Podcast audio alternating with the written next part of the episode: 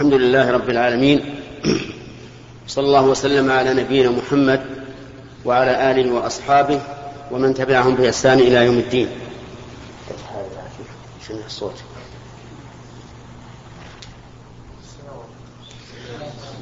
أما بعد فهذا هو المجلس الثاني والستون من اللقاءات الأسبوعية التي تتم كل خميس.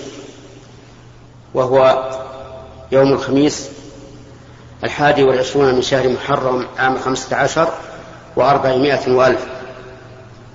وكان من عادتنا أن نتكلم على بما يسر الله سبحانه وتعالى من تفسير القرآن الكريم الذي ابتدأناه بسورة النبأ. وقد انتهينا إلى سورة الفجر. فنقول وبالله نقول قال الله سبحانه وتعالى والفجر وليال عشر والشفع والوتر والليل إذا يسري كل هذه إقسامات الفجر وليال العشر والشفع والوتر والليل إذا يسري خمسة أشياء أقسم الله تعالى بها. الأول الفجر. والفجر هو النور الساطع الذي يكون في الأفق الشرقي قرب طلوع الشمس وبينه وبين طلوع الشمس ما بين ساعة واثنين واثنتين وثلاثين دقيقة إلى ساعة وسبع عشرة دقيقة ويختلف باختلاف الفصول.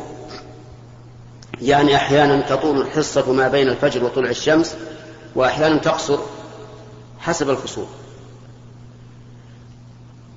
والفجر فجران فجر صادق وفجر كاذب. والمقصود بالفجر هنا الفجر الصادق. والفرق بين هذه بين الفجر الصادق والكاذب من ثلاثة وجوه. الوجه الأول الفجر الكاذب يكون مستطيلا في السماء. ليس عرضا ولكنه طولا. وأما الفجر الصادق فيكون عرضا يمتد من الشمال إلى الجنوب. والفرق الثاني أن الفجر الصادق لا ظلمة بعده بل يزداد الضياء حتى تطلع الشمس. والف... وأما الفجر الكاذب فإنه يكون بعده ظلمة. يحدث بعده ظلمة بعد أن يكون هذا الضياء. ولهذا سمي كاذبا لأنه يضمحل ويزول. والفرق الثالث أن الفجر الصادق متصل بالأفق. أما الفجر الكاذب فبينه وبين الأفق ظلمة. هذه ثلاث فروق آفاقية حسية يعرفها الناس إذا كانوا في البر. أما في في المدن فلا يعرفون ذلك لأن الأنوار تحجب هذه العلامات. وأقسم الله بالفجر لأنه ابتداء النهار وهو في الحقيقة انتقال انتقال من ظلمة دامسة إلى فجر ساطع وأقسم الله به لأنه سبحانه وتعالى لأنه لا يقدر على الإتيان بهذا الفجر إلا الله عز وجل. كما قال الله تبارك وتعالى قل أرأيتم إن جعل الله عليكم الليل سرمدا إلى يوم القيامة؟ من إله غير الله يأتيكم بضياء؟ أفلا تسمعون؟ وأقسم الله بالفجر لأنه يترتب عليه أحكام شرعية. مثل إمساك مثل إمساك الصائم. فإنه إذا طلع الفجر وجب على الصائم أن يمسك إذا كان صومه فرضا أو نفلا إذا أراد أن يتم أن يتم صومه. ويترتب عليه أيضا دخول وقت صلاة الفجر. وهما حكمان شرعيان عظيمان. أهمهما دخول وقت الصلاة. أي أنه يجب أن نراعي الفجر من أجل دخول وقت الصلاة أكثر مما نراعيه من أجل الإمساك في حال الصوم. لماذا؟ لأننا في الإمساك عن المفطرات في الصيام لو فرضنا أننا أخطأنا فإننا بنينا على أصل وهو بقاء الليل. لكن في الصلاة لو أخطأنا وصلينا قبل الفجر لم نكن بنينا على أصل لأن الأصل بقاء الليل وعدم دخول وقت الصلاة. ولهذا لو أن الإنسان صلى الفجر قبل دخول وقت الصلاة بدقيقة واحدة فصلاته نفل ولا تبرأ بها ذمته. ومن ثم ندعوكم أيها الإخوة إلى ملاحظة هذه المسألة أعني العناية بدخول وقت صلاة الفجر لأن كثيرا من المؤذنين يؤذنون قبل الفجر وهذا غلط لأن الأذان قبل الوقت ليس بمشروع. لقول النبي صلى الله عليه وعلى آله وسلم إذا حضرت الصلاة فليؤذن لكم أحدكم. ومتى يكون حضور الصلاة؟ سألكم. إذا دخل وقته. فلو أذن الإنسان قبل دخول وقت الصلاة فأذانه غير صحيح. يجب عليه الإعادة. والعناية بدخول الفجر مهمة جدا. من أجل مراعاة وقت الصلاة. وقوله تعالى وليال عشر قيل المراد بالليالي العشر عشر ذي الحجة. وأطلق على الأيام ليالي لأن اللغة العربية واسعة. قد تطلق الليالي ويراد بها الأيام والأيام ويراد بها الليالي.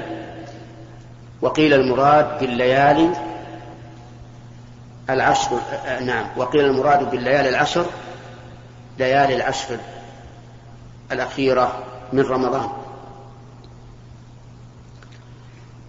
أما على الأول الذين يقولون المراد بالعشر بالليالي العشر عشر ذي الحجة فلأن عشر ذي الحجة أيام فاضلة.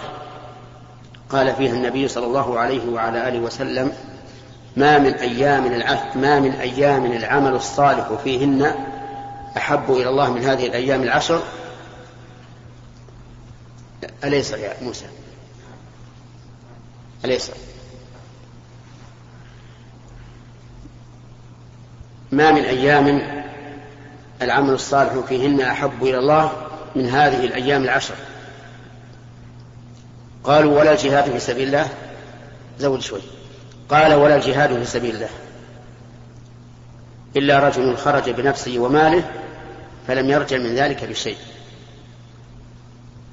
وأما الذين قالوا إن المراد بالليالي العشر هي ليالي عشر رمضان الأخيرة فقالوا إن الأصل في الليالي أنها الليالي ما هي الأيام. وقالوا إن ليالي العشر الأخيرة من رمضان فيها ليلة القدر. التي قال الله عنها إنها خير من ألف شهر. وقال إنها مباركة. وقال فيها يفرغ كل أمر حكيم. وهذا القول أرجح من القول الأول. وإن كان القول الأول هو قول الجمهور لكن اللفظ لا يسعف قول الجمهور. وإنما يرجح القول الثاني. أنها العشر الأواخر الليالي العشر الأواخر من رمضان. وأقسم الله بها لشرفها ولأن فيها ليلة القدر ولأن المسلمين يختمون بها شهر رمضان الذي هو وقت فريضة من فرائض الإسلام وأركان الإسلام. فلذلك أقسم الله بهذه الليالي. وأما قوله والشفع والوتر فقيل إن المراد به كل الخلق. كل الخلق إما شفع وإما وتر. صح؟ كل الخلق إما شفع وإما وتر. والله عز وجل يقول ومن كل ومن كل شيء خلقنا زوجين. العبادات إما شفع وإما وتر. فيكون مراد بالشفع والوتر كل ما كان مخلوقا من شفع ووتر وكل ما كان مشروعا من شفع ووتر. وقيل المراد بالشفع الخلق كلهم والمراد بالوتر الله عز وجل. واعلموا أن قوله والوتر فيها قراءتان صحيحتان. والوتر والوتر يعني لو قلت والشفع والوتر صح. ولو قلت والشفع والوتر صح أيضا. فقالوا إن الشفع هو الخلق. لأن المخلوقات كلها مكونة من شيئين. ومن كل شيء خلقنا زوجين. والوتر أو الوتر هو الله لقول النبي صلى الله عليه وسلم إن الله وتر يحب الوتر.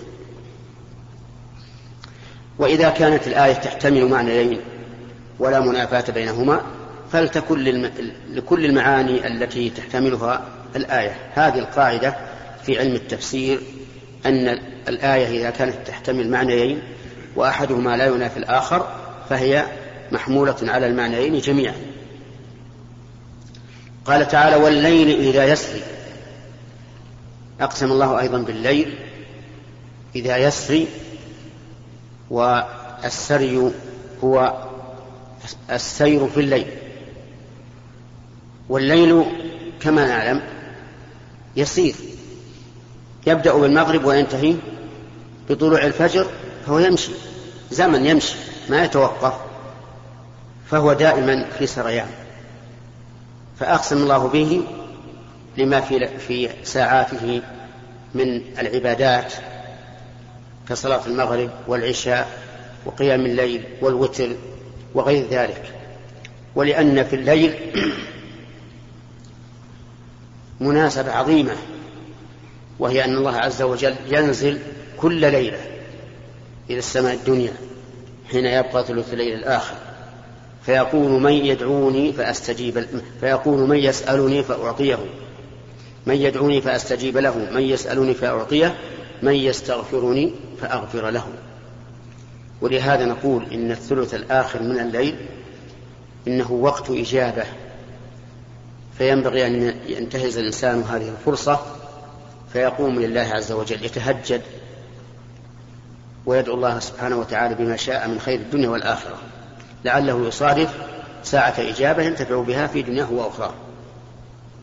ولنقتصر على هذا من أجل الإجابة على الأسئلة كما هي العادة.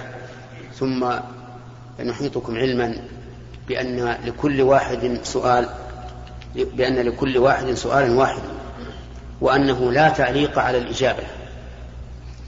حتى نتمكن من عدد أكبر يلقون أسئلتهم. ركعتي الفجر. في مثل الفجر مثل الصلاة ولا اي مثل الصلاة. لا حتى حتى يتبين الفجر. حتى يتبين. نعم. بعض أكثر الأئمة وأكثر يصلي لأنه دخل المسجد وصلى ركعتين وجلس على الميل وخلص لم تقام الصلاة. لم تقام الصلاة. هذا غلط. سنة الفجر ما تكون إلا بعد طلوع الفجر. سنة الظهر الأولى أيضا لا تكون إلا بعد أذان الظهر.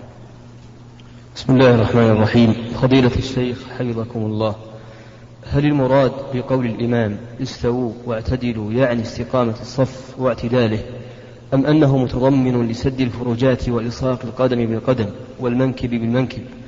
وما صحة الحديث الذي ورد عن النبي صلى الله عليه وسلم أنه قال لتسوون بين صفوفكم أو لا يخالف صفوفكم أو لا يخالفن الله بين قلوبكم. الله. الله بين قلوبكم. هذه الم... وجوهكم. نعم. بين وجوهكم. هذه المسألة أصبحت بين تفريط وإفراط. نرجو التوضيح. والله يحفظكم والسلام نعم. بسم الله الرحمن الرحيم. أولا يجب أن نعلم أن على الإمام مسؤولية وهي تسوية الصفوف. عليه أن يسوي الصفوف بأمر الناس بذلك. وإذا لم يمتثلوا تقدم هو بنفسه إلى من تأخر عن الصف أو تقدم ليعدله. لأن نبينا وإمامنا وقدوتنا محمد رسول رسول الله صلى الله عليه وعلى آله وسلم كان يسوي الصفوف كأنما يسوي بها القداح وكان يمر بالصف يمسح المناكب والصدور ويأمرهم بالاستواء. ولا أدري هل الناس يعملون هذا اليوم أم لا. الجواب؟ لا. بل لو يروا بل لو يرى الناس إماما يفعل هذا لصاحوا به. ولكن سنة الرسول صلى الله عليه وسلم أحق أن تتبع. المهم أن على الإمام أن يعتني بتسوية الصفوف. فيلتفت يمينا ويستقبل الناس بوجهه ويلتفت يسارا ويقول استووا سووا صفوفكم لا تختلفوا فتختلف قلوبكم تراصوا سدوا الخلل.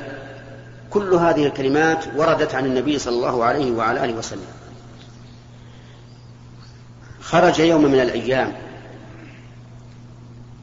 بعد أن عقل الناس عنه تسوية الصفوف وصاروا يسوونها فرأى رجلا باديا صدره يعني متقدما بعض الشيء فقال عباد الله لتسون صفوفكم أو ليخالفن الله بين وجوهكم.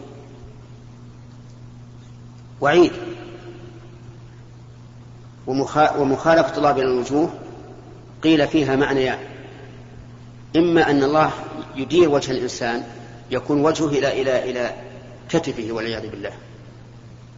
وإما أن المراد ليخالفن الله بين وجهات نظركم فتفترق القلوب وتختلف. لقوله لا تختلفوا فتختلف قلوبكم. وأيا كان سواء لي الرقبة حتى يكون الوجه إلى الجانب إلى جانب البدن أو أن المراد اختلاف القلوب كلها وعيد شديد. وهذا يدل على أنه يجب على الإمام أن يعنى بتسوية الصف. لكن لو التفت ووجد الصف مستقيما بالتراص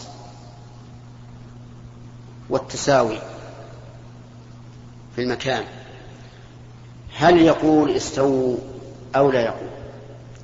الظاهر لي أنه لا يقول. يعني مثلا لو كان وراءه رجلان فقط. التفت وإذا هما متساويان. ومتراصان. وعلى الوجه المطلوب. فلا حاجة أن يقول استووا. لأن هذه كلمة لها معناها. ليست كلمة تقال. ليست كلمة عابرة. لها معناها. الإمام إذا قال استووا ورآهم لم يستووا يجب أن يعيد القول. وألا يكبر إلا وقد استوت الصفوف. ألم تعلموا أن أمير المؤمنين عمر رضي الله عنه وكذلك عثمان لما كثر الناس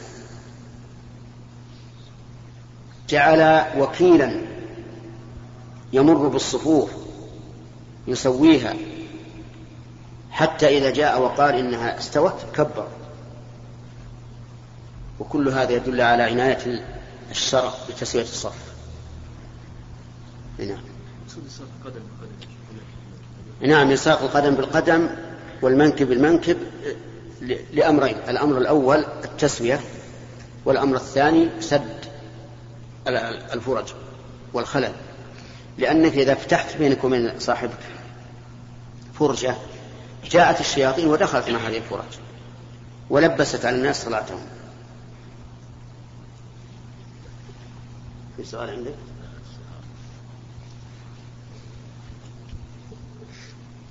فضيلة الشيخ هناك من يقول أن الإنكار على الولاة علنا من منهج السلف ويستشهد بحديث أبي سعيد الخدري في إنكاره على مروان بن الحكم حينما قدم الخطبة على الصلاة وبقوله عليه الصلاة والسلام فيما معناه بأنه سيكون هناك ولاة ظلمة فمن نابذهم فقد سلم أو بري.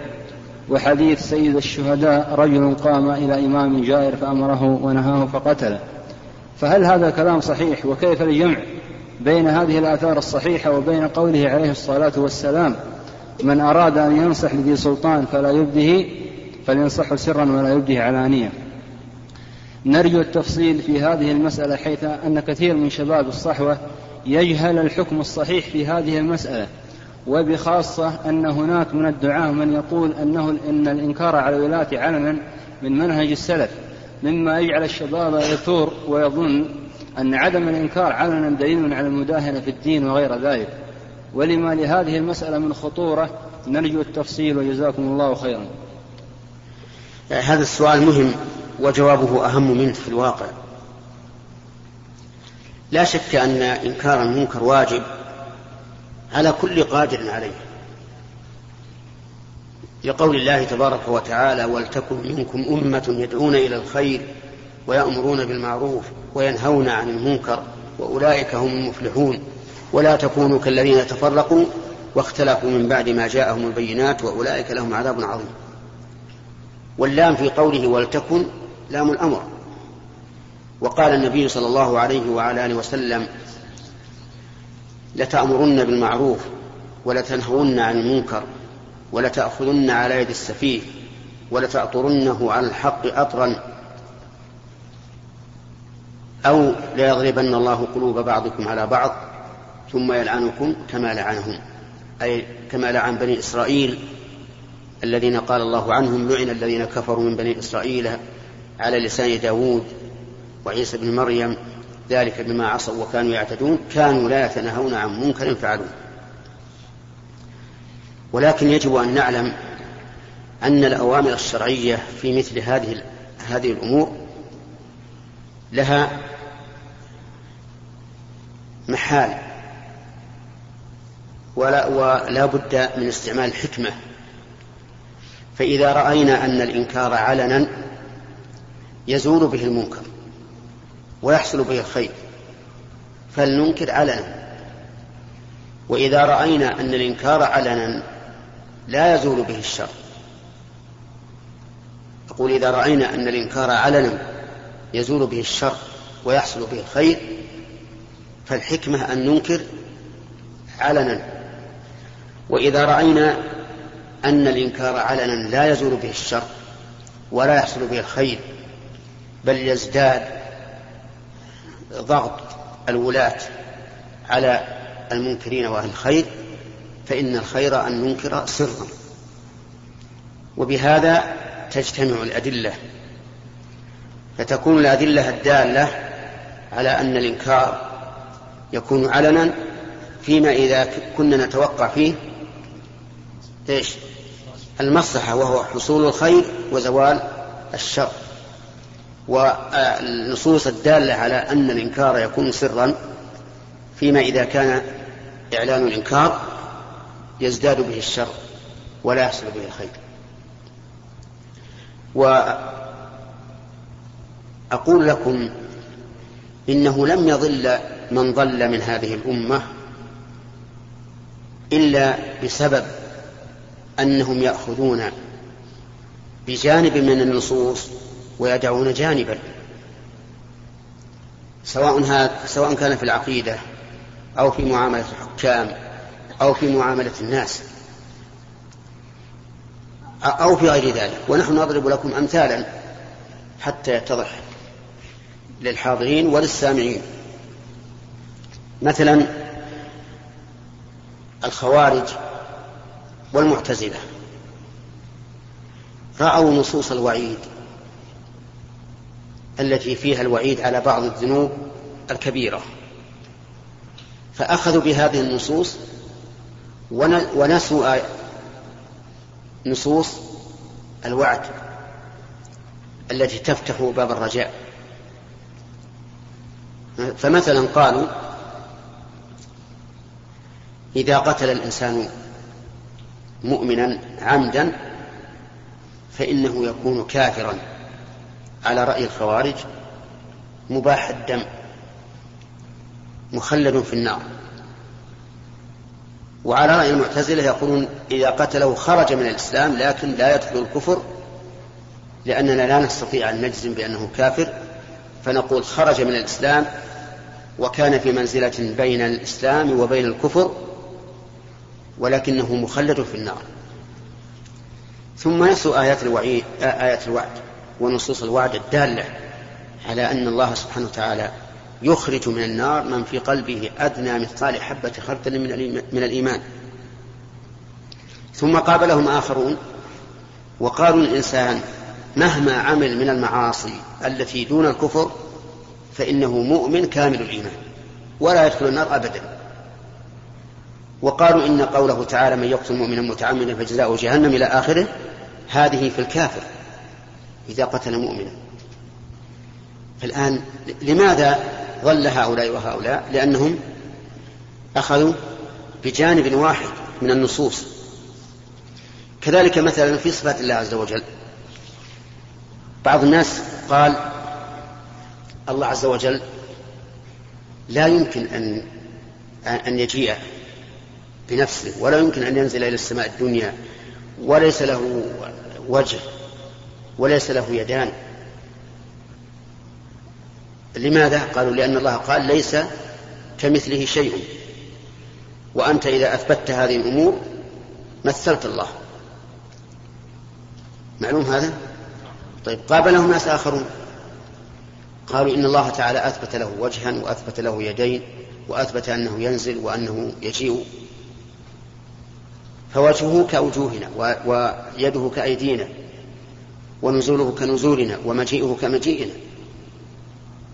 لأننا لا, نعقل من المجيء واليد والعين واليد والوجه لا نعقل إلا ما نشاهد. والله خاطبنا بما يمكن بما يمكن إدراكه. فيكون مجيء الله ووجه الله ويد الله ونزل الله مثل ما يثبت لنا. إذن هؤلاء في طرف وهؤلاء في طرف. وكلهم ضالون. لأن كل واحد أخذ بجانب. فنحن نقول إن الله تعالى له وجه وله يدان ويجيء وينزل. لكن ليس كأيدينا ولا كوجوهنا. وحاشاه من ذلك عز وجل. لأنه ليس كمثله شيء وهو السميع البصير. كذلك أيضا في مسألة مناصحة الولاة. من الناس من يريد أن يأخذ بجانب من النصوص وهو إعلان النكير على ولاة الأمور مهما تمخضت مهما تمخض عنه من المفاسد.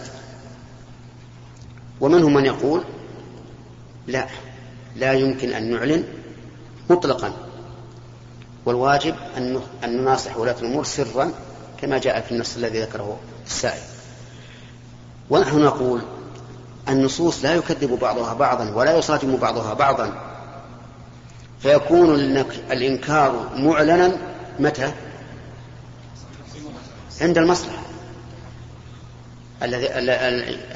والمصلحة هي أن يزول الشر ويحل الخير. ويكون سرا إذا كان إعلان الإنكار لا يخدم المصلحة لا يزول به الشر ولا يحل به الخير. وأنتم تعلمون بارك الله فيكم أن ولاة الأمور لا يمكن أن يرضوا جميع الناس أبدا. حتى إمام المسجد. إمام المسجد هل هو مرضي كل الجماعة؟ لا. بعضهم يقول تبكر وبعضهم يقول صيب وبعضهم يقول طول وبعضهم يقول قصر. وفي الشتاء يتنازعون اللي بيصلي بالشمس اللي بيصلي بالظلال. ما يحصل اتفاق. فإذا أعلن النكير على ولاة الأمور استغله من يكره. وجعل من الحبة قبة وثارت الفتنة. وما ضر الناس إلا مثل هذا الأمر. الخوارج كانوا مع علي بن أبي طالب رضي الله عنه على جيش الشام.